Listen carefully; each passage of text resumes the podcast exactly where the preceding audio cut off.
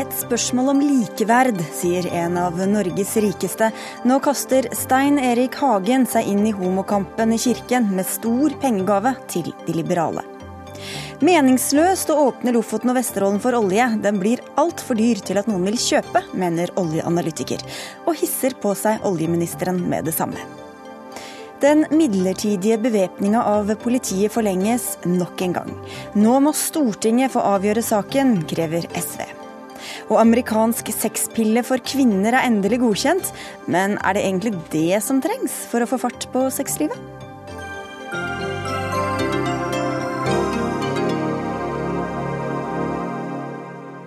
Dette er noen av sakene i Dagsnytt 18 hvor vi også skal snakke om overforbruk og frivillig barnløshet. I studio, Sigrid Solund.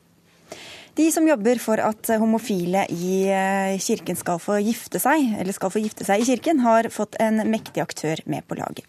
Med en halv million kroner i donasjon til Åpen folkekirke kaster Stein Erik Hagen seg inn i valgkampen foran høstens kirkevalg, der Åpen folkekirke stiller med egne valglister.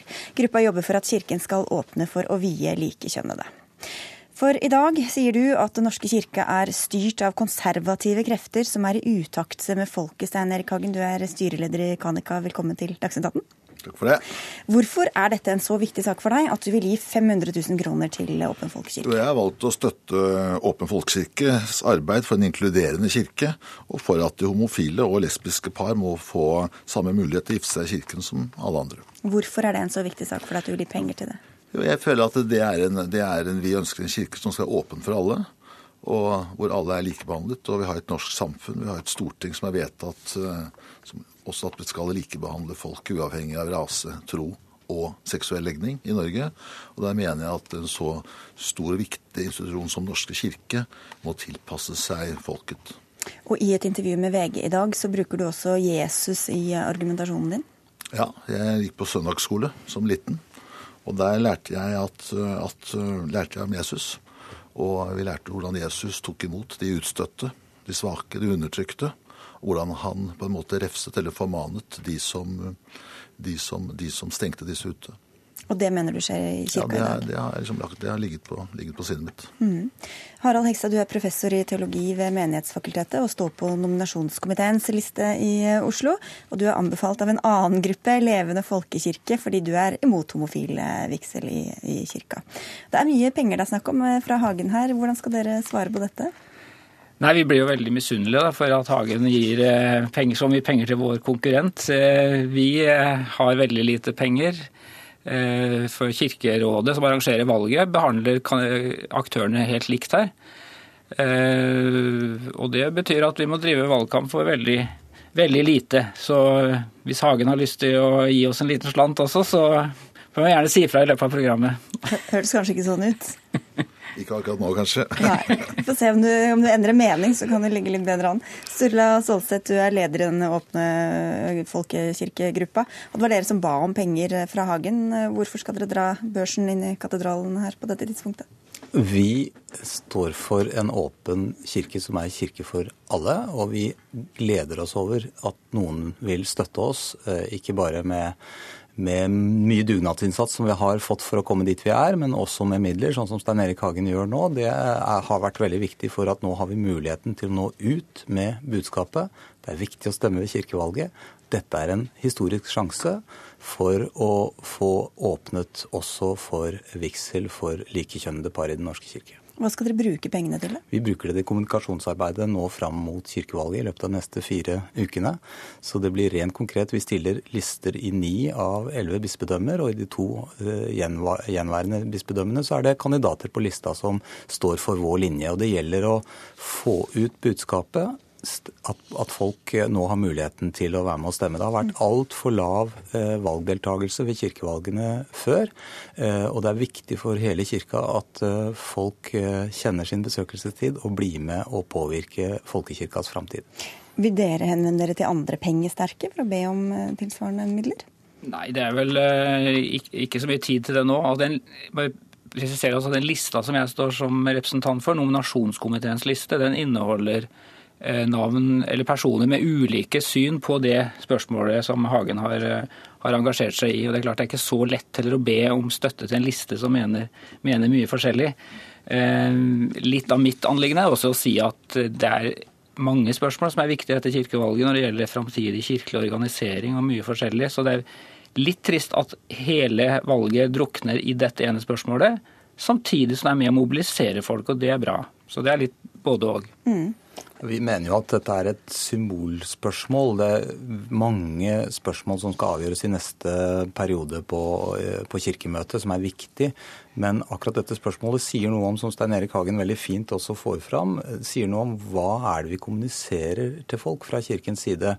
Eh, jeg har full forståelse for at Harald Hegstad og andre står for et ekteskapssyn som har vært det dominerende i Den norske kirke, og er det i mange kirker selvfølgelig fortsatt. Men jeg har ikke forståelse for at når vi har en ekteskapslov som både eh, vier eh, likekjønnede par og ulikekjønnede par, og vi har en stor eh, andel i Den norske kirke som teologisk og samvittighetsmessig mener at det er riktig å åpne opp for dette, at man skal fortsette å stenge døra for eh, homofile. Samtidig handler det jo litt om hvem som engasjerer seg eller har engasjert seg i kirken. Og det jo, har jo vært flertall da hver gang på kirkemøtet for å ikke åpne for homofil vigsel. Hvordan kan det da være ekskluderende? Inkluderende når det er flertallet som sier det? Det, det, det, altså, vi er jo opptatt av at det skal være en, være en folkekirke som representerer folket.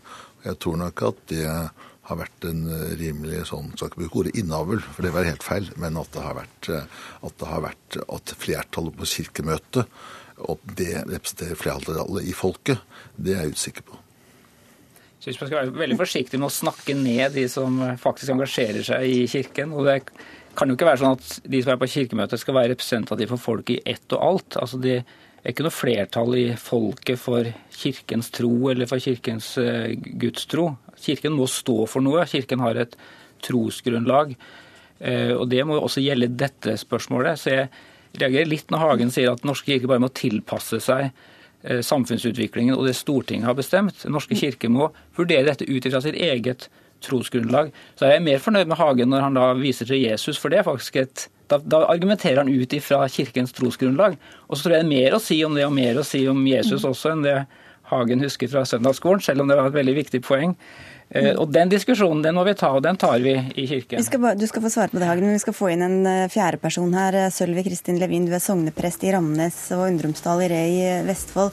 Du skaper en kirke som prediker et budskap i strid med Jesu ord og handling, sier Hagen her. Uh, ja, uh, jeg hører at han sier det. La meg bare først si at jeg, jeg syns det er flott at Hagen engasjerer seg, at han bruker så mye penger på kirkevalget. Og jeg håper jo at det drypper og, og tilkommer hele kirkevalget. Uh, så jeg, så jeg syns det er flott og det er raust, og det er viktig å bruke sin stemme. Men det, det, er jo mange beskrivelser av kirka, og det kan òg være at vi prøver å lage kirka i vårt bilde. Og jeg er jo veldig enig med Hegstad at vi må jo gå tilbake til, til grunnlaget, til det som Bibelen sier at kirka skal være. Og det er, jo, er, jo, mange tekster som vi tenker skal være normerende for liv og lære. Hvorfor, hvorfor er akkurat dette så viktig da, Hagen?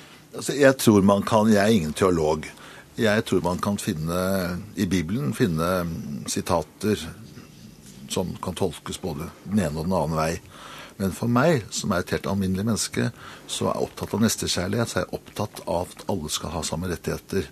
Og jeg, og jeg, kan ikke forstå hvorfor vi skal utelukke homofile og lesbiske fra kirken eh, når det gjelder å inngå ekteskap. Og vi må huske at når jeg mener at ting forandrer seg i tiden Det er ikke mange år siden at hadde man vært, fra, hadde man vært skilt, så var det helt umulig å gifte seg på nytt i kirken. I dag skjer jo det hele tiden. Og Det er det jeg mener at man må tilpasse seg samfunnet. Ja, hvorfor, skal, hvorfor er det så viktig for deg, Levin, at ekteskapet blir forbeholdt kvinne og mann? Eh, hvis vi går tilbake til den første boka i Bibelen, så står det at Gud skaper mennesker i sitt bilde, og at han skaper dem til mann og kvinne, og at dette er den enheten som òg fører slekta videre. Og Dette tar Jesus òg opp i Matteus 19, eh, der han sier at mannen skal forlate sin far og sin mor og holde seg til sin kvinne. Så jeg mener at ekteskapet skal være for én mann og én kvinne. Og da er det greit å diskriminere, Hegstad? Homofile? Diskriminering handler jo om når man behandle like tilfeller ulikt uten at det er noen relevant forskjell. Så spørsmålet her, og det teologiske spørsmålet det er om det er noen teologisk relevant forskjell mellom et likekjønnet og et ulikekjønnet par. Og den kirkelige ekteskapsteologi og liturgi har nettopp lagt vekt på ekteskapet som basis for familieliv, for, eh, for barnefødsel. Det er bare en mann og en kvinne som kan sette barn til verden uten, uten eh, ved hjelp av en tredjeperson. Og det er en, en relevant forskjell som gjør ekteskapet mellom mann og kvinne til noe annet enn et samliv mellom to personer av samme kjønn. Det, det, er, eh, Vi må kalle en spade en spade, og vi må kalle diskriminering for diskriminering når det skjer. Og det skjer i tros- og livssynssamfunn overfor kvinner, og det skjer overfor homofile og lesbiske. Så er spørsmålet er det en form for diskriminering som tros- og livssynssamfunn har lov til? Ja, det har loven gitt dem lov til, å diskriminere på enkelte felt. Den norske kirke har den lov til å diskriminere kvinner, eller i dette tilfellet homofile og lesbiske. Den kan gjøre som uh, Harald Hekstad nå sier, og Sølvi Levin, altså at dette er for Kirken ikke diskriminering fordi vi har en forståelse av ekteskapet som er annerledes, men for den som stenges ute, er det diskriminering. Og i samfunnsmessig forstand er det diskriminering. Og da mener vi, når det også er slik i Den norske kirke at veldig mange av oss Eh, nektes eh, å følge vår samvittighet og åpne opp for eh, likekjønnet ekteskap, da tvinges vi egentlig til å fortsette en diskriminerende praksis som det ikke er grunn for. Og så kan man jo spørre seg hvor logisk det er. La meg si at noen har et barn fra før og vil inngå et, et ekteskap med en av samme kjønn. Hvor, eller hvis to av ulikt kjønn ikke kan få barn. altså Hvor er det disse grensene går? Hvor er det logiske i det? Nei, Det logiske er jo at det er bare en mann og en kvinne som kan frambringe frambringe et barn. Sett, men det, er jo, også i praksis. men det er jo ikke noe argument for ekteskapet som sådan. Det står jo ikke noe sted at det er befruktningsevnen som skaper det kristne ekteskapet, som konstituerer det kristne ekteskapet. Det er ingen tvil om at mann og kvinne eh, er den enhet som, skaper, eh, som gir mulighet for barn, og det er en god enhet. Men det betyr ikke at eh, mann og mann og kvinne og kvinne er en mindre god enhet når eh, kjærligheten er der og troskapsløftet er der. Levin, jeg vet ikke om vi skal kalle Stein Erik Hagen for den mest folkelige av alle, men er du redd for at det at flere nå bidrar med sine stemmer, kan, kan gjøre at, eh, at, eh, flertallet også endrer seg i Kirken? Med en sånn, at det skaper et bredere engasjement? Nei, Jeg er ikke redd for engasjement, og jeg er ikke redd for at folk eh, går til stemmeurnene. Det setter jeg veldig stor pris på. Men jeg eh, tror det er viktig at en ikke bare lar seg rive med av følelser, men at en òg går til, til, saklige argumenter for å vurdere hva som skal være kirka sin fremtid. Og jeg tenker det er viktig at vi skal ha en åpen folkekirke, ja absolutt, men den skal da òg være bekjennende, tjenende og misjonerende, som er en del av Den norske kirkes visjon. Hva sier du Hegstad, er du redd for at uh, dette kan uh, vippe flertallet? Nei, jeg er ikke redd for noe som helst. Jeg er glad for at vi har et demokrati i Den norske kirke. Jeg er glad for at kirkemedlemmer som Sten Erik Hagen engasjerer seg og også gir penger. Når det kommer til valget, så har Sten Erik Hagen og jeg én stemme hver, og det har alle andre kirkemedlemmer. Og jeg håper alle gjør som Hagen og engasjerer seg og sier sin mening ved valget ved å bruke stemmen sin. Tror du at, kan, at det, et sånn mobilisering kan endre, endre synet i, i Jeg tror sånn som dette programmet her, det gjør at folk blir oppmerksom på det. Det er jo helt nytt, dette med lister og, og dette. Det er lett, det skjer samtidig med kommunevalget. Det er lett å delta. Lett å, så jeg tror dette engasjerer folk og bidrar til demokrati. Og vi må respektere hverandres meninger. Absolutt. Du er ikke en som stiller opp i alle mulige saker i media hele tiden utover den halve millionen. Hva koster det deg å engasjere deg i denne saken? Det koster meg ingenting. Ren glede. Ren glede, absolutt. Vi får si takk, takk, til dere alle fire for at dere kom til eh, Dagsnytt 18 i dag, i hvert fall. Stein Erik Hagen, Sturla Stålseth, Harald Hegstad og Sølvi Levin.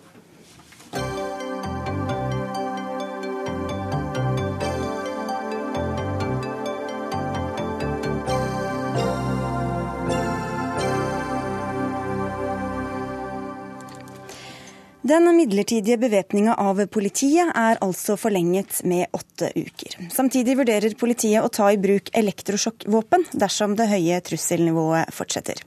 PST-sjef Bendikte Bjørnland sa tidligere i dag at det er flere ting som taler for at norske politifolk kan bli angrepet. Hun utelukker ikke at Norge kan være et terrormål. Det vi spesielt legger vekt på, er at vi har eh, et økende antall eh, fremmedkrigere som reiser til eh, konflikten i Syria og Irak. Anslagsvis 80 personer, men hvor det også kan være ikke ubetydelig antall personer som ikke vi vet om. I tillegg så har vi et hjemmeradikalisert miljø som eksplisitt uttrykker støtte til ISIL og Al Qaida.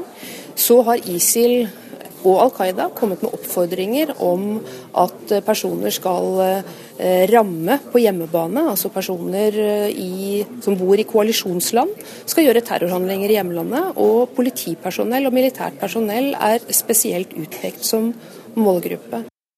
Det var begrunnelsen, eh, Vidar Brein-Karlsen, du er statssekretær i Justisdepartementet, og dere har altså valgt å følge dette. Hvorfor, hva, hvorfor velger dere å forlenge den midlertidige bevæpninga nå?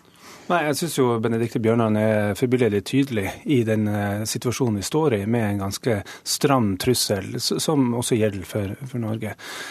På bakgrunn av det har Politidirektoratet på nytt igjen, i tillegg til alle landets politimestere, eh, bedt om å få fortsatt å bevæpne seg. De har gjort en grundig jobb eh, med å sjekke risikobildet og sårbarheten i eh, sitt, hvert enkelt distrikt. Og de ser ikke noen andre muligheter for hvordan politiet skal klare verne borgerne, meg og deg, og de enkelte tjenestemenn mot den trusselen, annet enn bevæpning. Med det trusselbildet og med den, de entydige faglige rådene som vi har fått, så ville det vært helt eh, feil av justisministeren ikke å treffe den beslutninga. Helt entydig er det vel ikke. Det er jo også mange innen politiet som ikke ønsker en sånn bevæpning. Ja, Det er mulig at det er mange det. Jeg har ikke sett mange de siste månedene som, som sier rett ut at eh, de syns at vi burde ta ned bevæpninga når trusselen er såpass tydelig som det den er. SV-leder Audun Lysbakken, dere vil snarest avslutte den midlertidige bevæpninga. Hvorfor det? Altså, det gir jo liten mening snart å snakke om en midlertidig bevæpning, fordi eh, justisministeren bare fornyer den nærmest på rutine. Eh, og det er en alvorlig situasjon, for vi har nå en såkalt midlertidig bevæpning, men i eh, en verden der vi må regne med at trusselen kanskje blir permanent. Og regjeringen viser ingen vilje til å gå grundig inn i alternativer eller få en åpen samfunnsdebatt om alternativene til dette. Og Da frykter jo vi at vi glir inn i en mer og mer permanent bevæpning, med alle de konsekvensene det har, og til og med uten en brei demokratisk debatt og behandling i Stortinget. Ja, for det er det dere eh, foreslår nå, en maksgrense på ett år for midlertidig bevæpning, før Stortinget altså må ta tak i dette? Ja, SV fremmer forslag i Stortinget nå om at eh, hvis det går et år, så må eh, dette behandles av Stortinget. Og Det ser jo ut som om det kan eh, samle støtte. og Det er klart at det er en reaksjon fra eh, mange opposisjonspartier på måten Anders Anundsen har håndtert dette på. Vi måtte nesten slepe han inn i Stortinget i vår. Det har vært enda vanskeligere for Anders Anundsen til å diskutere dette i Stortinget enn å få han til å komme til debattstudio i NRK. Det sier jo ikke så, så lite. Det hadde vært, jeg syns Brein Karlsen er en utmerket kar, men det hadde vært greit å se statsråden av og til også. Men han, han gjemmer seg på kontoret hver gang dette er tema. Han har vært innom, eh, bare for å si det. Men når vi er inne på Anundsen, han kalte dette utspillet for et valgkamputspill, eller dette forslaget for et valgkamputspill. Vi får høre med Brein Karlsen om han eh, stiller seg bak det. Ja, jeg er ikke enig i at eh, Stortinget skal overta regjeringa sin jobb og med altså, de oppgavene knytta til den utøvende eh, virksomhet. Stortinget har en annen rolle. Og, sånn at, og jeg syns Audun Lysbakken er veldig modig når han på en måte sier at de faglige rådene det spiller ikke noen rolle. Han er mot bevæpning uansett, og, og vil ikke diskutere hvordan vi skal sørge for en trygghet. Og så vil jeg kommentere det han sier om at justisministeren må slepes til Stortinget. Justisministeren ba sjøl om å få komme til Stortinget og redegjøre den dagen han, eh, eller med en gang han eh, innførte midlertidig bevæpning. Etter det har han kommet en gang til, og til slutt så har han vært en gang etter forespørsel i et samla storting. Så det er bare tull når SV men, men, prøver å, å, si at han ikke vil diskutere men det. Men det er snakk om en redegjørelse, og ikke at Stortinget som sådan skal ta stilling. Hvorfor skal vi ha en, en bevæpning som bare glir over i en mer og mer permanent tilstand, uten at Stortinget skal si sitt? Vi har ikke et mål om at det skal gli over i permanent bevæpning Uten... I praksis gjør de jo det, da. Jo, men altså, Vi forholder oss til de faglige rådene vi får. Og de er helt entydige. Det ville vært helt uforsvarlig om justisministeren gikk imot de. Så, og, men hvorfor skal ikke Stortinget ta stilling til det? Ja? Spørsmålet er at ved, Med dagens lovverk, som Stortinget sjøl har vedtatt, så er det ikke en mekanisme som gjør at eh, justisministeren skal komme dit og be om tillatelse på et eller annet tidspunkt. Det, eh, vi, justisministeren har eh, sagt at han skal komme tilbake med en sak til Stortinget etter å ha fått den typen signaler som vi har hørt nå, for å, å se kan vi få til en sånn mekanisme. Men den finnes ikke i dag. Og justisministeren har gjort det han har greid for å klare å være, være inngrep med Stortinget og involvere de i denne prosessen frem til nå. Men, men, det er jo ganske alvorlig det Brein Karlsen sier nå. Vi, vi, har det jo ikke sånn i et demokrati at politikerne som roboter skal bare følge opp det Politidirektoratet anbefaler i en eh, viktig sak. Vårt ansvar er å vurdere helheten. Også de negative konsekvensene vi potensielt kan få ved en bevæpning som varer veldig lenge, og som er årsaken til at vi ikke vil ha generell bevæpning i Norge. Og når regjeringen igjen og igjen ikke vil ha denne breie samfunnsdebatten om alternativer, så blir det umulig for oss å støtte, støtte den linjen. Så, så, vil jeg jo si en positiv ting. da. Nå i dag så har man jo sagt at man vil utrede bl.a. dette med elektrosjokkvåpen. Det har sine problematiske sider, men det viser jo i hvert fall at også regjeringen begynner å gli inn i en debatt om alternativer som de til nå ikke har villet ha. Og det viser at det har vært veldig viktig at SV, som det første partiet, og senere andre, har stilt spørsmålstegn dette. Men her er det jo også snakk om uh, dette trusselbildet. Det er jo veldig mye gradert materiale, hemmelige ting som ikke alle kan få vite om. Hvordan skulle dette foregått hvis Stortinget skulle, skulle behandle denne saken? Men altså, nå eh, kommer vi ut på høsten kanskje en situasjon der vi har hatt denne midlertidige bevæpningen i et år. Eh, og eh, Trusselsituasjonen er jo godt kjent for folk flest. Vi vet om krisen i Midtøsten. Vi skjønner at det er alvorlig. Vi vet at det er en trussel mot Norge. Da må vi også kunne ha en samfunnsmessig debatt om hvordan vi forholder oss til det. Eh, og Det er jo mye forskning rundt hva som kunne ha forhindret de terrorangrepene vi kjenner fra land i Europa de siste Men hvordan årene. Skulle, hvordan skulle dette foregått i praksis, hvis, hvis, hvis deres forslag gikk, gikk gjennom da? Ja, Da vil jo vi eh, måtte få en gang til det som eh, vi hadde i vår, der eh, justisministeren endelig måtte redegjøre for et åpent storting, som var det vi var ute etter. Ikke lukkede møter som offentligheten ikke har noe innsyn i. Og så må Stortinget ta stilling til om dette skal forlenges eller ikke. Og Det er jo nettopp fordi vi vil understreke det politiske ansvaret. I vårt demokrati er det ikke sånn at byråkratene bestemmer. Politikerne bestemmer. For det er bare vi som kan veie ulike hensyn opp mot hverandre. og det må også også Brein-Karlsen og Anundsen snart ta inn over seg? Jo, det, det, har vi gjort. Og det gjøres jo eh, veldig nøye vurderinger i forkant av hver av de her forlengelsene som har vært til nå. Men altså, nå forstår jeg virkelig ikke hva det forslaget ditt går ut på, Audun Lysbakken. Fordi at justisministeren var jo der før sommeren. Og den saken, så vidt jeg vet, så, så ligger den redegjørelsen til behandling i justiskomiteen. Ergo så kan Stortinget ta stilling til den. Og så får, får, du være så modig som du er her på lufta, og så gå rett imot alle de, de faglige rådene som finnes her.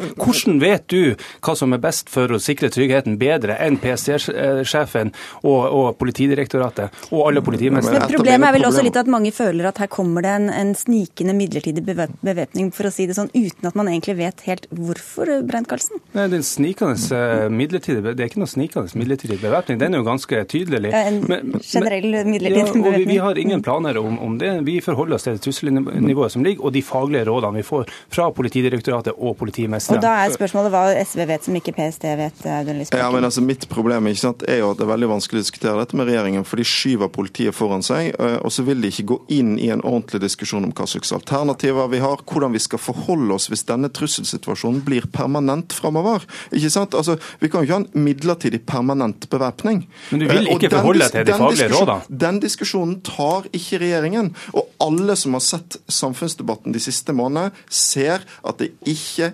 entydig hva fagfolk mener om dette. Verken de forskerne som har gått igjennom terrorangrepet i Europa, i politiet sjøl, i forsvarskretser osv. Så, videre. så den der gjør du altfor enkel for deg. Alle har fått det med seg. Så er spørsmålet hvordan vil regjeringen forholde seg til det?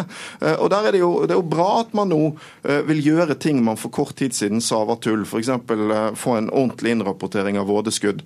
Men det er bra at man vil vurdere alternativer. Og Det er jo en erkjennelse også av at vi ikke kan ha en situasjon hvor en regjering som i utgangspunktet er for generell bevæpning, bare lar en midlertidig bevæpning gå og gå og gå uten ordentlig, ordentlig behandling. Vi er nødt til å avslutte, men helt avslutningsvis, Brein Karlsen, Det er vel ikke noe som tyder på at verden blir et veldig mye fredeligere sted med det første? Så hva er da sannsynligheten for at ikke dette bare skal foregå i år etter år etter år etter år? Eh, jeg vil ikke forskuttere hva som skjer i mange år fremover, men vi forholder oss til den trusselvurderingen. Men jeg er jo enig i at hvordan et, et mer latent trusselbilde så, som er forhøya, at det er noe som bør, bør, diskuteres. Og det er vi helt enig i at, og skal være med på. Og Litt diskusjon fikk vi i hvert fall her. Takk skal dere ha begge to, statssekretær Vidar Brein-Karlsen og SV-leder Audun Lysbakken.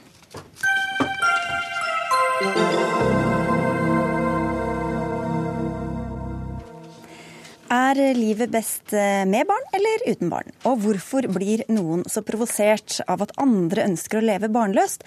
Det er noen av spørsmålene som blir stilt i en kronikk i Aftenposten og i en bok med din signatur, samfunnsviter Heidi Helene Sveen.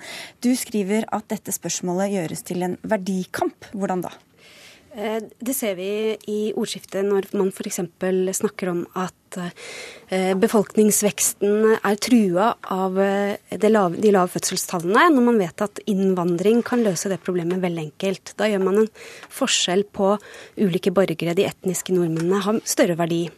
Og så får også barn en slags verdi når man gir dem en nytteverdi istedenfor en egenverdi, og snakker om at barn skal jobbe på sykehjemmene i fremtiden, sånn at de eldre kan bli tatt godt vare på. Du føler at du nærmest blir skremt til å ønske deg barn? Det er jo en slags skremselsretorikk som jeg syns er veldig ja, tendensiøs. Og da får vi rette blikket mot deg, Helge Brunvåg. Du er forsker og demograf. Er du redd for at mange skal tenke som Sveen, og at vi ikke får nok folk til å ta vare på oss når vi blir gamle? Nei, det å velge barnløshet nå er jo ikke noe problem. Men det er et faktum at eh, fruktbarhetsnivået i Norge er godt under det som eh, vi må ha for å unngå befolkningsnedgang. Og så sier vi demografer at når vi ser bort fra innvandrere, det betyr ikke at innvandrere er mindreverdige, noe sånt, det er bare en teknisk måte å se det på. Nå er fruktbarhetsnivået i fjor var på litt under 1,8 barn per kvinne, men det trengs litt over to barn per kvinne for at vi skal unngå befolkningsnedgang. Befolkningsnedgangen er én ting, det er ikke så viktig. Eh, det at det blir mye eldre befolkning, hvor det blir mange flere eldre i forhold til den yrkesaktive befolkning, det er et større problem som også de som velger å ikke få barn, kanskje bør tenke gjennom. Så vi bør føle oss moralsk forpliktet til å føde barn? Eller få barn? Nei, det sier jeg ikke. For vi kan jo løse dette, disse aldringsproblemene ved at, at alle jobber lenger, at skattenivået blir høyere, standarden på eh, hjelpetjenester og sykehjemstjenester blir lavere osv. Pluss eh, innvandring, selvfølgelig. Mm. Jeg forstår ikke hvorfor de barnfrie, de frivillig barnfrie skal tenke ekstra nøye på dette spørsmålet mer enn andre. Det er vel et delt ansvar, vil jeg tro, mellom myndighetene og befolkningen. og sørge for at samfunnet går rundt. Men å, å, å peke på enkeltindivider f.eks. og si at de har en plikt til å føde barn, det er veldig spesielt. For du mener at det ligger mange moralske vurderinger eller hva skal vi si, fordømmelser eller sånt overfor folk som ikke, som velger å ikke få barn? Ja, dette er jo en retorikk som jeg har sett mange steder. Og selv om eh, Eh, min sidemann ikke gjør seg sjøl til representant for det synet, så fremmer han jo den retorikken i den Dagbladet-artikkelen bl.a. ved å si at han godt kan forstå at folk tenker sånn. At eh, de barnefrie er egoistiske, for de tenker ikke på fremtiden, hvem som skal ta vare på dem i alderdommen. Så ja, og vi ser dette også i, i, i nettdebattene. Vi så det i manifestet til eh, Anders Behring Breivik. Sånn at det, det er godt spredt utover, da. Men kanskje det nettopp tenker, er for lite egoistisk. Det tenker ikke på alder, deres egen alderdom, kanskje. Hvis de ikke har noen barn eller nære etterkommere. Eh, og menn, det er jo flere barnløse menn enn barnløse kvinner, f.eks. Menn kan, er til dels litt dårligere enn kvinner til å, å, bygge opp nettverk. Så da blir det kanskje noen, en del enslige menn som har litt stusslig i alderdommen. Og disse, det offentlige kan ikke ta seg av eh, alle disse kanskje litt ensomme mennene. Vi har jo mange sivile organisasjoner i Norge som yter omsorg. Sånn at det velferdsstaten ikke kan ta seg av, det tror jeg det er veldig mange andre som er villige til å, eh, å gi en liten skjerv til. da. Så jeg er ikke, jeg er ikke så veldig bekymra. Og det, vi har befolkningsvekst i Norge. Vi har det. Så du som har valgt bort barn, du er ikke engstelig for din egen uh, alderdom? Nei, absolutt ikke. Og jeg kan ikke leve i frykt for alderdommen. Det går ikke. Sånn kan jeg ikke ha det. Men er Brunborg, eh, du har jo også på et liksom personlig plan syns litt synd på noen av dem som ikke har barn, hvis jeg har forstått det rett, eller? Nei, det, det kan jeg ikke gjøre. For hvis det er et klart valg eh, Hvis jeg da som privatperson og ikke som forsker til kasino, så er det jo også at det å ha barn gir en masse gleder, og ikke minst barnebarn, som jeg har nå. Og, men det er klart livet består av mye, og folk er forskjellige. Så bare så lenge valgene er bevisste og gjennomtenkt, så er det jo helt greit. Men hvis det blir fryktelig mange som velger å ikke få barn, da begynner de samfunnsmessige konsekvensene å bli store. Og det er kanskje du også enig i? Hvilke spørsmål eller myter er det dere som oftest blir møtt med da, mener du? Nei, Det er jo nettopp det at vi er egoistiske, eller at vi er overfladiske.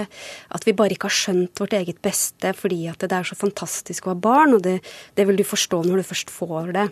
Eh, og at det liksom skal endre hele livssynet ditt. Eller, og det er mulig at det er så fantastisk å få barn eh, at at alle burde oppleve det. Men eh, det trenger ikke jeg å finne ut av, for jeg har rett og slett ikke lyst på, og det er mange som heller ikke har det. Og da blir det en sånn type retorikk om at vi må tenke på samfunnsplikten, gjør at det er vanskelig for meg da, å si at jeg ikke har lyst. Det, det, det, blir jo plutselig ikke en god nok grunn til å la være å få barn. Og når vi, Jorda er jo full av folk, da, så det er jo kanskje vanskelig å forstå at vi, vi nødvendigvis må føde flere? Ja, Som jeg sa, så er det ikke dette noe problem for Norges befolkning. Eh, fødselsnivået er ganske høyt. Vi har ganske høy innvandring så lenge det varer. Slik at det er ikke noe problem. Men, eh, men aldringen, altså befolkningsaldringen, er et større problem eller utfordring, som det heter nå. Fordi forholdet mellom yrkesaktive og de ikke yrkesaktive vil bli, utvikle seg i gunstig retning uansett nesten hva som skjer. Uansett om mange velger å få barn eller ikke, så vil dette skje.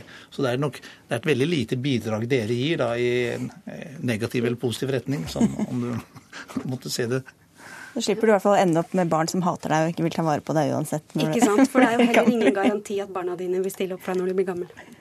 Vi får avslutte der og si tusen takk for at dere kom til Dagsnytt 18 begge to. Heidi Helene Sveen og Helge Brunborg.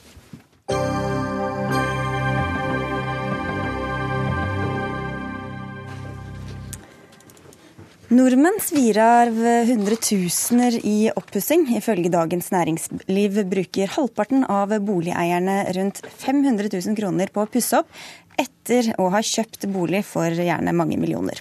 Neste år ligger det an til at vi pusser opp for 70 milliarder her til lands. Og dette er vel tall du ikke liker så godt, eh, Arild Hermstad. Du er leder i Framtiden i våre hender.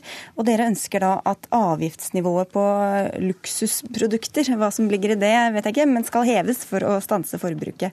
Hva går dette ut på? Altså Hvis vi tar oppussing først, så er nordmenn verdensmestere i oppussing. Eh, og det betyr at eh, Og mye av dette er selvfølgelig luksusforbruk, fordi vi kaster ut fullt brukbare kjøleskap, eh, sofaer osv. som går med i, i oppussingen. Det er det er jo et brudd på konservative dyder. Det er alltid lurt å ta vare på ting og spare på ting for miljøet. Så det er jo et symptom på at vi har eh, et enormt luksusforbruk i Norge, og et stort overforbruk av materielle ressurser. Så eh, når vi sier luksusforbruk, så er det jo da det materielle luksusforbruket vi er ute etter å gjøre noe med. Og sette opp avgiftene sånn at det blir dyrere å forurense. Og så vil vi gjerne at avgiftene på det som er bra og miljøvennlig, de skal fjernes og bort. Sånn at det blir billig å være miljøvennlig. Så hva skal koste mer, og hvor mye mer skal det koste? Jeg tror ikke Framtid og skal liksom sitte og lage den utredningen helt alene. Jeg tror det, det, vi trenger er politisk vilje til å si at vi skal styre forbruket for å fremme det grønne skiftet. Eh, og Da er det masse ting som jeg kan liste opp her som bør bli dyrere, f.eks. flyreiser. Eh, F.eks. Eh, hyttestrøm, som i dag er like billig som det som er helt nødvendig i huset ditt og en god del andre avgifter. F.eks. Civita har tatt til orde for en kjøttavgift. og Det er jo rett og slett for å adressere mm. Eh, varer som i dag er, eh, som er for billige i forhold til den miljøbelastningen de har. Stortingsrepresentant eh, for Høyre Nikolai Astrup, en halv million til oppussing. Det er jo mye penger, da? Det er det, men jeg mener det er bra at nordmenn vedlikeholder boligene sine. Og det er bra at de etterisolerer, det er bra at de gjennomfører enøktiltak. Det er bra at de bytter ut eldgamle kjøleskap med miljøvennlige nye kjøleskap. Så lenge de gamle kjøleskapene resirkuleres på en god måte. Men, men, det er jo like mye at vi, vi, vi skifter fliser på badet og vask som fungerer fint, og kjøkkenskap ja, og fordi de er fem år gamle. Og... Det er sikkert en del som gjør noe unødvendig på oppussingssiden, men generelt sett så er bildet i Norge at vi er flinke til å holde eh, boligene våre ved like. Det er bra. Eh, og det er, det er, bra for miljøet også at vi gjør det. For veldig mange av de tingene nordmenn gjør, som å etterisolere loft og vegger og tak og den type ting, det er positivt også i et miljøperspektiv. Og det bidrar til å sysselsette mange mennesker. Så, så jeg er ikke så eh, Jeg mener at det er, det er, bra. Og vi ser jo andre land, f.eks. Storbritannia, der bolig, folk ikke er flinke til å vedlikeholde boligene sine, fordi de i liten grad eier boligene sine selv. Og Det gjør at standarden er generelt sett veldig mye, veldig mye dårligere. Det, jeg vet ikke om det er etterisolering dere først og fremst var ute etter? Nei, egentlig så er det veldig bra at uh, Nikolai Astrup nevner etterisolering, for det er en av de tingene som du betaler akkurat like, mom, like mye moms og like mye avgifter om du etterisolerer, som om du hiver ut et fullt brukbart kjøleskap. Og hvis vi hadde vært smarte og styrt forbruket til folk eh, mer rasjonelt, så hadde vi altså gjort det eh, avgiftsfritt å installere solceller på taket, eller etterisolere huset ditt, eller å kjøpe en varmepumpe. Men hvordan skal, hvordan skal du differensiere mellom hva som er hva? Det høres ut som et voldsomt byråkrati. Altså, Vi gjør det på biler. Uh, nå vet jeg tilfeldigvis at uh, Astrup har en Tesla. Uh, luksusforbruk. Den har han fått helt avgiftsfritt. mens Eh, det, og det syns vi faktisk er lurt, at man har avgiftsfrie, miljøvennlige ting. Eh, og på biler har man da gjort det sånn at luksusbilene er veldig dyre, har ja, høye avgifter. Biler er litt lettere å sammenligne enn eh, om det er etterisolering eller om det er en sofa, liksom? Ja, selvfølgelig. Det, det, det kan være enklere. Men vi har en grønn skattekommisjon som sitter og jobber i disse dager. Eh, og de kan faktisk eh, velge, myndighetene kan velge om de syns at solceller er miljøvennlige eller ikke. Det ikke, det er ikke sånn rocket science eller umulig å finne ut av, eh, men det krever da en politisk vilje, og det krever politikere som tenker at ja, hvorfor styrer ikke vi forbruket mer? Det er jo det vi trenger for å, å fremme det grønne skiftet. Og hvis alle hadde kjøpt like mye klær og møbler som oss, så hadde vi trengt mange kloder, Nikolai Astrup. Hvordan kan det forsvares å fortsette sånn? Vel, For det første så mener jeg som sagt at uh, alt forbruk er ikke miljøskadelig. Og det er bra at uh, vi bidrar til å gjøre det mer lønnsomt å velge miljøvennlig. Og det gjør vi jo allerede. Altså, mange av de eksemplene som Arild Hermstad her kommer med, det er jo ting som myndighetene allerede gjør. Vi premierer jo folk som uh, gjennomfører enøktiltak i sin egen bolig. Som bytter ut oljefyren med, med varmepumper. Som etterisolerer hus og tak. Og vi har satt ned en grønn skattekommisjon nettopp for å se på hvordan vi kan gjøre det dyrere å forurense og billigere å være miljøvennlig. Så det er vi allerede i gang med. Men det jeg oppfatter at fremtiden våre hender sier, det er at eh, vi skal ha en økt avgift på alt det de definerer som luksusforbruk. Men det fremtiden våre hender definerer som luksusforbruk, trenger ikke nødvendigvis være noe du og jeg definerer som luksusforbruk. Så hvem er det egentlig som skal bestemme hva som er nødvendig, og hva som ikke er nødvendig? Eh, brødrister, trenger du egentlig det? Eh, nei, egentlig ikke. Er det da luksusforbruk? Vel, det kommer an på om du liker ristet brød eller ikke. Så her er det mange ting som spiller inn. Og jeg mener at det er ikke praktikabelt det man legger opp til. Vi har dyrere bensin vi har de høyeste avgiftene på bensin i verden. Det er et eksempel på at vi faktisk tar eh, markedet i bruk i miljøets tjeneste og innfører en prismekanisme som, som, gir impulser til folk på hva de skal kjøpe og hva de ikke skal kjøpe. Men det å styre dette ned på klær og sofaer og det, det, kommer altså ikke til å fungere overhodet. Ja, for de har ekolinjer på Hense Maurits f.eks. Altså, hvordan skal du klare å differensiere dette her? Det, det, er jo ikke så vanskelig som det høres ut. Man kan f.eks. øke momsen på generelt nivå. fordi eh, i Norge så er veldig mye av klesforbruket forbruket vårt er luksusforbruk. Vi kjøper mange flere klær enn det vi har tid til å bruke. Eh, og med en generell økning av momsen, hvor du da fritar en rekke varer for moms, er helt mulig å gjennomføre. Eh, man trenger kriterier, og man trenger å gjøre det på en smart måte. Men man skal ikke undervurdere den effekten forbrukerne har på å vri eh, miljøet i riktig retning. Altså vri forbruket sitt sånn at det fremmer miljø. Eh, og, og, jeg føler at når man snakker om grønn skattekommisjon, så blir dette sett på som litt sånn uviktig, og vi ønsker ikke å styre forbruket. Men jeg, jeg, tror at politikerne går glipp av en stor mulighet til å faktisk skape nye miljøvennlige arbeidsplasser altså, også i Norge. Og så snakker du, du snakker om mye store ting, Nikolai Astrup, men tilbake til mitt spørsmål i stad. Altså, hvis alle hadde forbrukt som oss, så hadde jorda gått under flere ganger. Derfor må vi sørge for at forbruket er bærekraftig. Ja, hvordan, men hvor mye vil dere da styre det personlige så, forbruket av klær og møbler osv.? I, I fjor så vi jo da at uh, verden hadde uh, økonomisk vekst, men utslippene gikk likevel ned. Det viser at det er mulig å frikoble vekst og utslipp. Og det er det vi må få til. fordi en ting er å sitte i Norge, verdens rikeste land, og diskutere om vi burde kjøpe én bukse mindre eller ikke. En annen ting er jo at vi har eh, en stor andel av jordens befolkning som trenger økt levestandard. Det kommer til å forutsette økt forbruk. Og da må vi bidra med ny teknologi og andre mekanismer for å sørge for at det forbruket blir bærekraftig. Og at vi får en kretsløpsbasert økonomi, slik at det man forbruker, går inn igjen i kretsløpet ønsker, og brukes en gang til. Ønsker du at vi skal forbruke mindre som sådan i Norge? Jeg er helt sikker på at mange i Norge kan redusere forbruket sitt uten å ta skade av det, og uten at det går utover deres eh, liv. Eh, men det vi skal være litt obs på, det er at økte avgifter generelt, det er, rammer de som har dårligst økonomi, hardest. Det er altså en sterkt usosialt side ved seg. Eh, så de som har god råd, de kommer til å fortsette sitt forbruk som før. Eh, og de som har dårlig råd, de kommer til å komme eh, absolutt verst ut av et sånt forslag, der man skal f.eks. avgiftsbelegge klær veldig sterkt, fordi vi trenger jo ikke så mange klær som, som Hermstad sier. Økte forskjeller da, Hermstad, blir resultatet? Altså, for det første ser vi luksus, Luksusforbruket som vi har, er et utslag av at vi også ser økte forskjeller i Norge. Men hva er luksusforbruk? Det er jo f.eks. at vi pusser opp for 70 milliarder i året og, og ligger på verdenstoppen i oppussing og har et klesforbruk som er skyhøyt. Men jeg tror det er viktig å gjøre en sånn eh, omlegging som, som, vi vil ha, eh, på en måte som ikke rammer de fattigste. Det er ganske enkelt med å øke det kan man gjøre med å øke bunnfradraget på skattene, sånn at man ikke rammes av høyere moms f.eks. Så det er ikke kjempevanskelig å lage et uh, nytt skattesystem som i mye større grad vrir uh, forbruket vårt i miljøvennlig retning, uten at det går på bekostning av de. Hvis poenget er å redusere forbruket, så er det vel bra at folk får lavere kjøpekraft? Det er her resonnementene ikke henger på greip, for du skal kompensere jo, altså, folk jeg, for å øke avgiftene, slik at de fortsatt, kan fortsette sitt forbruk.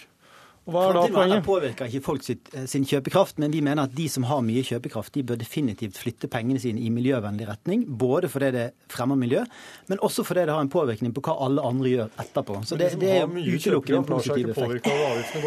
Nei, det var det. Du, hadde du kjøpt en Tesla uten, hvis den var like avgiftsbelagt som en BMW X5? Sannsynligvis ikke. Nei. Så de lar seg påvirke av at du eh, har gjort noe med avgiftssystemet? Ja, ja, og det, og det er vårt poeng. Jeg hadde ikke kjøpt den X5-en heller. Nei, okay. Det er poenget. ok, Vi får avslutte med en ikke helt enighet, men noe som ligner. Takk skal dere ha, i hvert fall Arild Hermstad fra Framtiden i våre hender og Nikolai Astrup fra Høyre.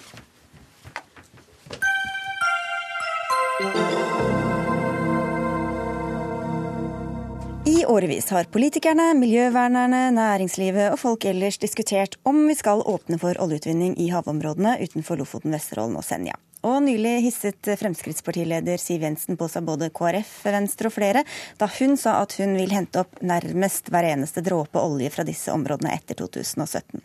Men det kan bli altfor dyrt, sier du til NRK, Tina Saltvedt, du er sjefanalytiker i Nordea.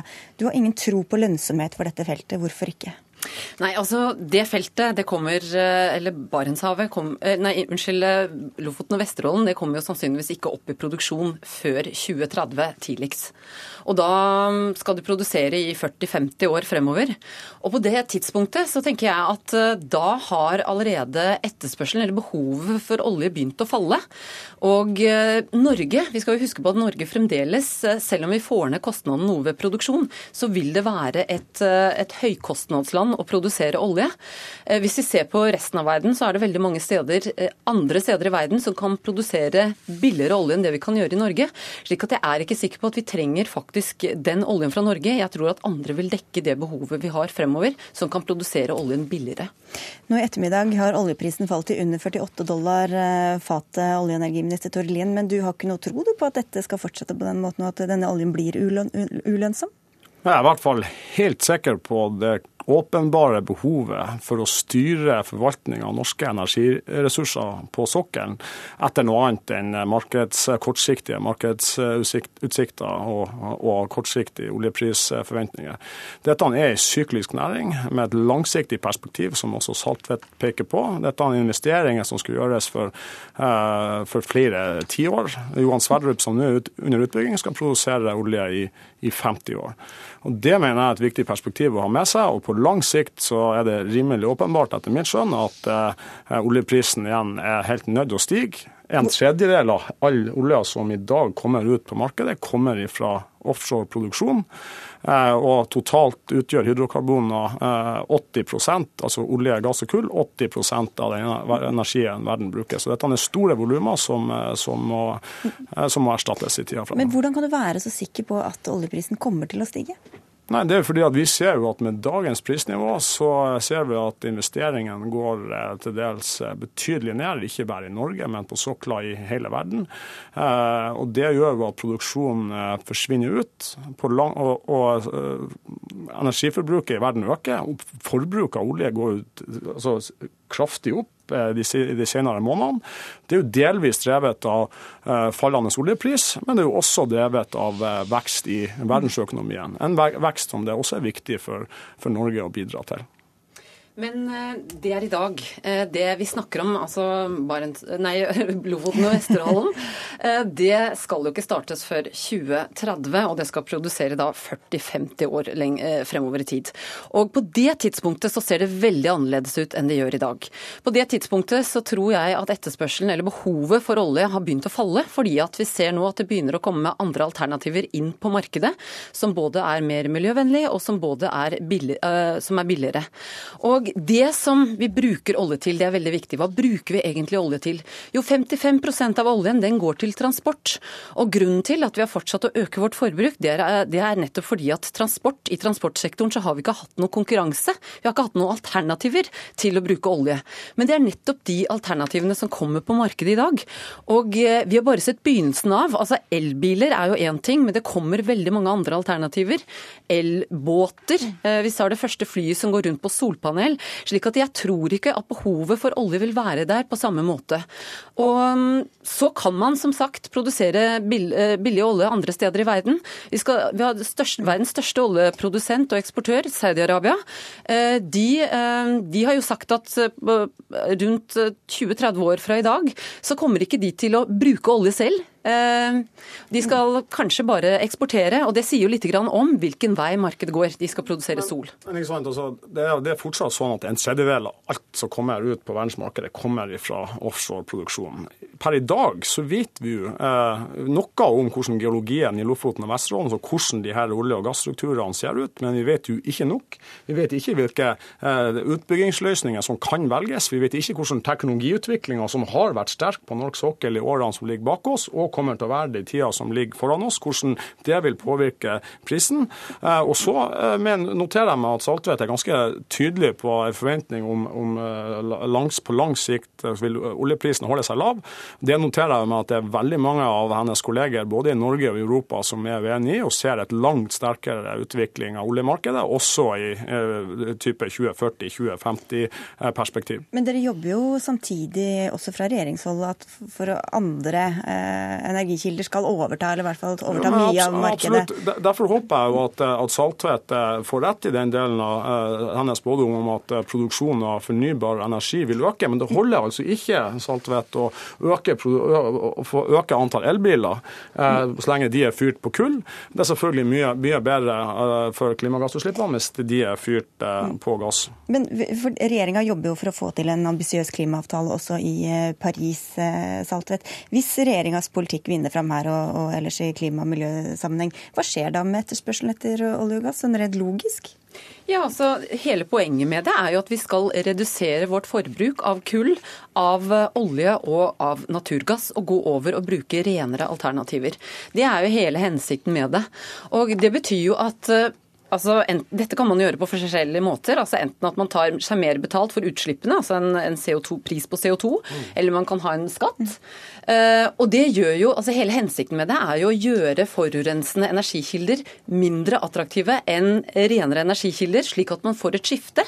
Og Poenget med det er også å gire opp tempoet på det markedet selv går for tregt. Men altså, Både uh, sjefen for Det internasjonale energibyrået og sjefen for FNs uh, miljøprogram, Akim Steiner, sier jo at det vil være dårlig klimapolitikk uh, mens Norge aktivt skulle låse, stoppe olje, olje- og gassproduksjon på norsk sokkel. Bl.a. fordi at vi har innført det strengeste miljøregimet noe sted i verden på den produksjonen vi har på norsk sokkel. Derfor produserer vi også med mindre klimagassutslipp fra norsk sokkel enn noe annet sted. Og Når det brenner, så slipper du jo like mye som andre. Ja, men, altså, men men, men, det er jo ikke noen tvil om at det vil være betydelig plass til olje og gass, også i et eh, lavutslippssamfunn. Men, men sånn rent økonomisk eh, så er det selvfølgelig selskapene som investerer, som, som, må bestemme om de ønsker dersom dette blir åpnet eller ikke. Men også norske staten eh, tar jo en stor risiko ved å satse mye på oljeutvinning i disse områdene og Barentshavet osv. Men det er jo helt riktig. Det er jo helt riktig at selvfølgelig det er selskapene som bygger ut, som tar beslutninger. og Så, det, så gir jo myndighetene tillatelse til slik utbygging.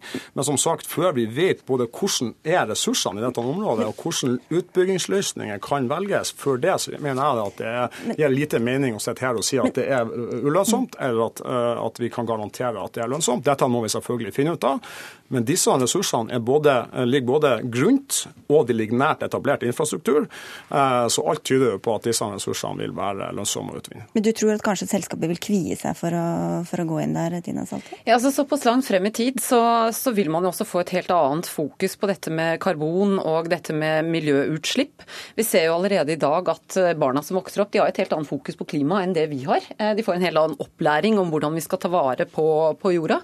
Jeg tror også at det ligger et reputational risk her, altså for selskapene, spesielt i det området, med å kunne investere der. Men mitt hovedargument er jo at, at det rett og slett ikke blir lønnsomt fordi, ikke fordi vi ikke kommer til å bruke hydrokarboner, men jeg mener, jeg tror at andre land kan produsere olje billigere enn det vi kan på det tidspunktet, fordi at behovet for olje har falt. Men, men, men i løpet av de siste 15 årene så har oljeforbruket, det daglige oljeforbruket i verden steget fra 80 mm. millioner fat om dag eh, til snart 95 millioner fat per dag. Etterspørselen stiger stadig. Og, og, og, i de siste månedene så har etterspørselveksten vært svært kraftig.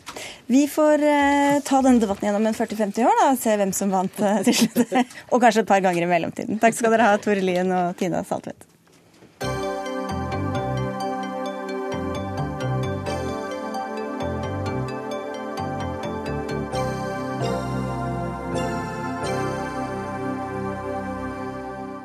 Mens menn kan velge mellom et førtitalls forskjellige piller til å få sving på sexdriften, har kvinner ikke hatt noen, helt fram til nå.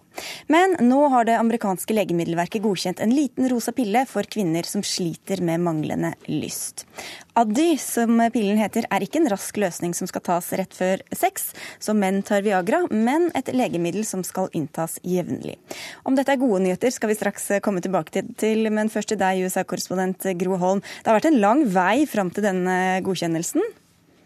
Ja, det har det. det allerede tidlig på 2000-tallet så ble det skrevet bøker om eh, hvordan Viagra hadde endret eh, sexlivet i USA og skapt faktisk et nytt press på kvinner, fordi det ikke fantes noe tilsvarende for kvinner med manglende sexlyst.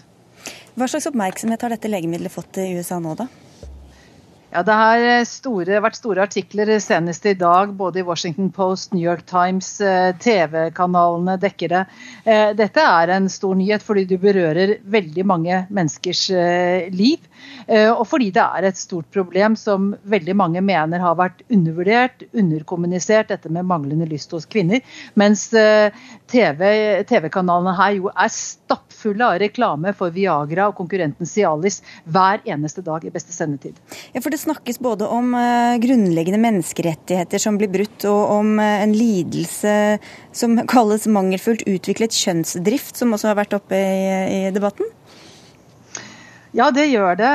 Og det er jo da ulike meninger om det. Om, det med, om, om hvorvidt manglende kjønnsdrift er en sykdom eller ikke, eller bare noe som egentlig er ganske naturlig. Eh, eh, og det er jo både tilhengere og motstandere eh, av denne pillen blant kvinner også. Eh, blant motstandere er det mange som viser til at den har alvorlige bivirkninger. Eh, særlig hvis den tas sammen med alkohol.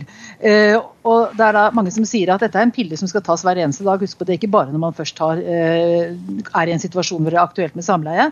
og det er, mange mener at det er urealistisk at kvinner kommer til å avstå fra alkohol. Og Da risikerer man kvalme og lavt blodtrykk og besvimelse. Og når kommer dette på markedet? 17. oktober.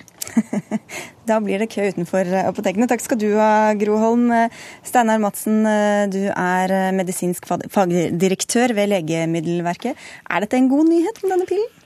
Både og. Det er, jo, det er jo første gang vi har noe sånt. Så, så, det er den gode nyheten. Den dårlige nyheten er at det, det er ikke en spesielt god pille, for å si det sånn de amerikanske helsemyndighetene har jo holdt på lenge med dette og bale med dette her om de skulle godkjenne det ikke. Holdt på i fem år, faktisk frem og tilbake. Og når de nå godkjenner det, så er det med ganske sterke restriksjoner. De legene som skal skrive ut, må faktisk være spesielt sertifisert for å kunne skrive ut. Og apotekene som skal levere det ut, må også være spesielt sertifisert fordi man frykter alvorlige bivirkninger. Ja, Som Groholm var inne på. Ja. Eh, Ellen Skjelbred, du er lege og sexolog. Hvordan stiller du deg til denne pillen? Denne pillen er veldig ny. Jeg har ikke noe direkte mening om den. Men om den skulle virke, så ville det vært veldig kjærkomment for den store gruppen som har dette problemet. Dette opplever jo, kan jo alle kjønn oppleve, og det opplever vi i hverdagen. Eh, men det er klart det er flest kvinner. Og det er et stort sorg og savn. De har veldig lyst til å ha lyst, og de savner det. De har kanskje hatt et godt seksualliv før, eller de kanskje har aldri hatt det og ønsker å oppleve det. Så hvis det er noe som virker, så hadde det vært veldig flott å ha og mhm. tilby. hovedingrediensen er så vidt jeg vet en slags antidepressiva, Madsen? Ja, det er stoff som heter flibanserin, og det er opprinnelig en sånn lykkepille, og nå er det en lykkepille på en ny måte, da, eh, som minner veldig om de som vi bruker mot eh, depresjon. Eh, og så var det under utprøvene, så så man da for så vidt på samme måte som Viagra, for Viagra var egentlig et blodtrykksmedisin, og så så man at mennene fikk en underlig bivirkning. Og så tenkte man at vi går heller videre med det, og det samme så man altså her. Det var mer innbringende, kanskje? Absolutt mer innbringende. Så, så, problemet er at effekten er ikke spesielt stor. Man har jo prøvd å måle da, det man kan kalle hyggelige stunder i løpet av en måned. Hvis du tar denne medisinen, så får du 0,8 flere hyggelige stunder i måneden enn hvis du tar en vitamintablett. Hvordan ville du stilt deg hvis du fikk en pasient som kom til deg og ba om å få dette legemiddelet? Altså, vi har jo rutiner på hvordan vi tar imot uh, de pasienter. Vi må selvfølgelig sjekke sykehistorie, andre sykdommer, undersøke, ta blodprøver kanskje. Um, parterapi, treningsprogrammer, uh, tekniske hjelpemidler, sensualitetstrening, for å si det kort. Uh, og deretter så kommer medikamentell behandling. Det vi kan tilby nå, det er hos mange en liten dose testosteron, også til kvinner. For testosteron er jo det som i hovedsak styrer seksualdriften vår. Og av ulike grunner så, så har kvinner kanskje litt lavere testosteron enn de er komfortable med. enn vanligvis så har en kvinne 10-15% av en manns nivå. Det kan man gjøre noe med. Men nå er det vel ikke søkt eh, om å få, få, dette på norske markeder, Madsen. Hvordan ville du stilt deg dersom det kom en sånn eh, søknad? Ja, altså Vi behandler jo alle søknader på den samme faglige måten. Vi ser på hva som taler for legemiddel og hva som taler imot. Og så prøver vi å gjøre opp en mening om det vi kaller nytterisiko. Er dette mer nyttig enn risikabelt? Ja, så godkjenner vi det. Er, det, er vi i tvil, så godkjenner vi det ikke. Så ja, Personlig så tror jeg det er vanskelig å få dette godkjent i Europa. Jeg, jeg, føler dette er litt amerikansk, for å være ærlig. Men Er du bekymra for at norske kvinner skal eh, få tilgang til det i USA? Nei, det har de for så vidt eh, anledning til. Legemiddel som er godkjent i USA kan du få tak i å bruke i Norge. Men eh, poenget er selvfølgelig at norske leger vil ha veldig dårlig erfaring med dette. Og med de relativt alvorlige bivirkningene så vil jeg være ganske forsiktig. Mm. Du må holde deg unna alkohol og leve veldig Ja, så, som jeg sier, hvis du da skal ha en hyggelig stund, så er, blir det da slik at på terrassen i morgen kveld f.eks., nydelig været, så må mannen sitte og drikke den musserende vin, og du må ta en pille. Jeg vet ikke hvor effektivt det er. Ingen kommentar. Men hvorfor skal vi tilskrive manglende sexlyst nødvendigvis en kjemisk ubalanse, og ikke stress eller kroppspress eller andre tilsvarende ting? Som jeg nevnte i sted, altså Vi har jo litt manglende oversikt over alle årsakene. Men la oss si at vi kaller det lystrefleksen, eller hele dette komplekset som er rundt det å få seksuell lyst, så er det jo utrolig mange faktorer som spiller inn. Bl.a. det du sier. Og man må jo prøve å se på alle de faktorene man vet om, og iallfall alle de tingene man kan gjøre noe med, før man kommer så langt som å gi piller. Men når det er sagt, så vil jeg si at uh, i prinsippet, iallfall hvis det virker, så vil jeg ønske alle nyheter uh, piller og andre ting velkomment i, i, i, i dette scenarioet. For det er et stort savn for mange. Jeg vil også si det at det, det er gjort spørreundersøkelser om det noe av det som menn savner mest i sitt seksualliv, sånn all over, det er at eh, man har en partner som virkelig har lyst, og som begjærer mannen sin. Så kanskje det kan være litt i det for mannen også. Men hvor, hvor stort problem er det da? Hvor mange unge kvinner er det som sliter med lystproblemer? Jeg tror ikke vi har veldig, veldig gode tall på det. Eh, det er jo en individuell definisjon og eh, kan komme og gå litt, men jeg tror det er en betydelig andel. Ja, Noen mener at det er en rundt 10% Men det som er litt morsomt, det er at dette er på en måte første legemiddel. Det er flere under utvikling som kanskje blir bedre, fordi første legemiddel er sjelden det beste i en klasse. Så ja, det er håp om at vi får nye og bedre legemidler i løpet av, av, noen år. Dette er første legemiddel, liksom. Og også da Viagra kom, så var man vel veldig redd for bivirkningene i sin tid? Absolutt. Jeg var ute og advarte mot Viagra den gangen. det advarer litt nå også. Og så må vi da se, fordi det er klart dette skal følges opp veldig nøye. Og det blir veldig spennende å se hvordan dette kommer til å virke. De amerikanske legemidlene er, kommer til å følge dette opp veldig veldig nøye. Og hvis ikke dette blir godkjent i første rekke i Norge, så kanskje nummer to eller nummer tre? Det kan tenkes. Det kan tenkes. Vi får følge med. Takk skal dere ha i hvert fall begge to for at dere kom til Dagsnytt 18, Ellen Skjelbred og Steinar Madsen fra Legemiddelverket. Vi er ved veis ende i denne sendinga. Ansvarlig for innholdet i den eh, var Dag Dørum. Det var Finn Lie som hadde det tekniske ansvaret. Og i studio Sigrid Solund.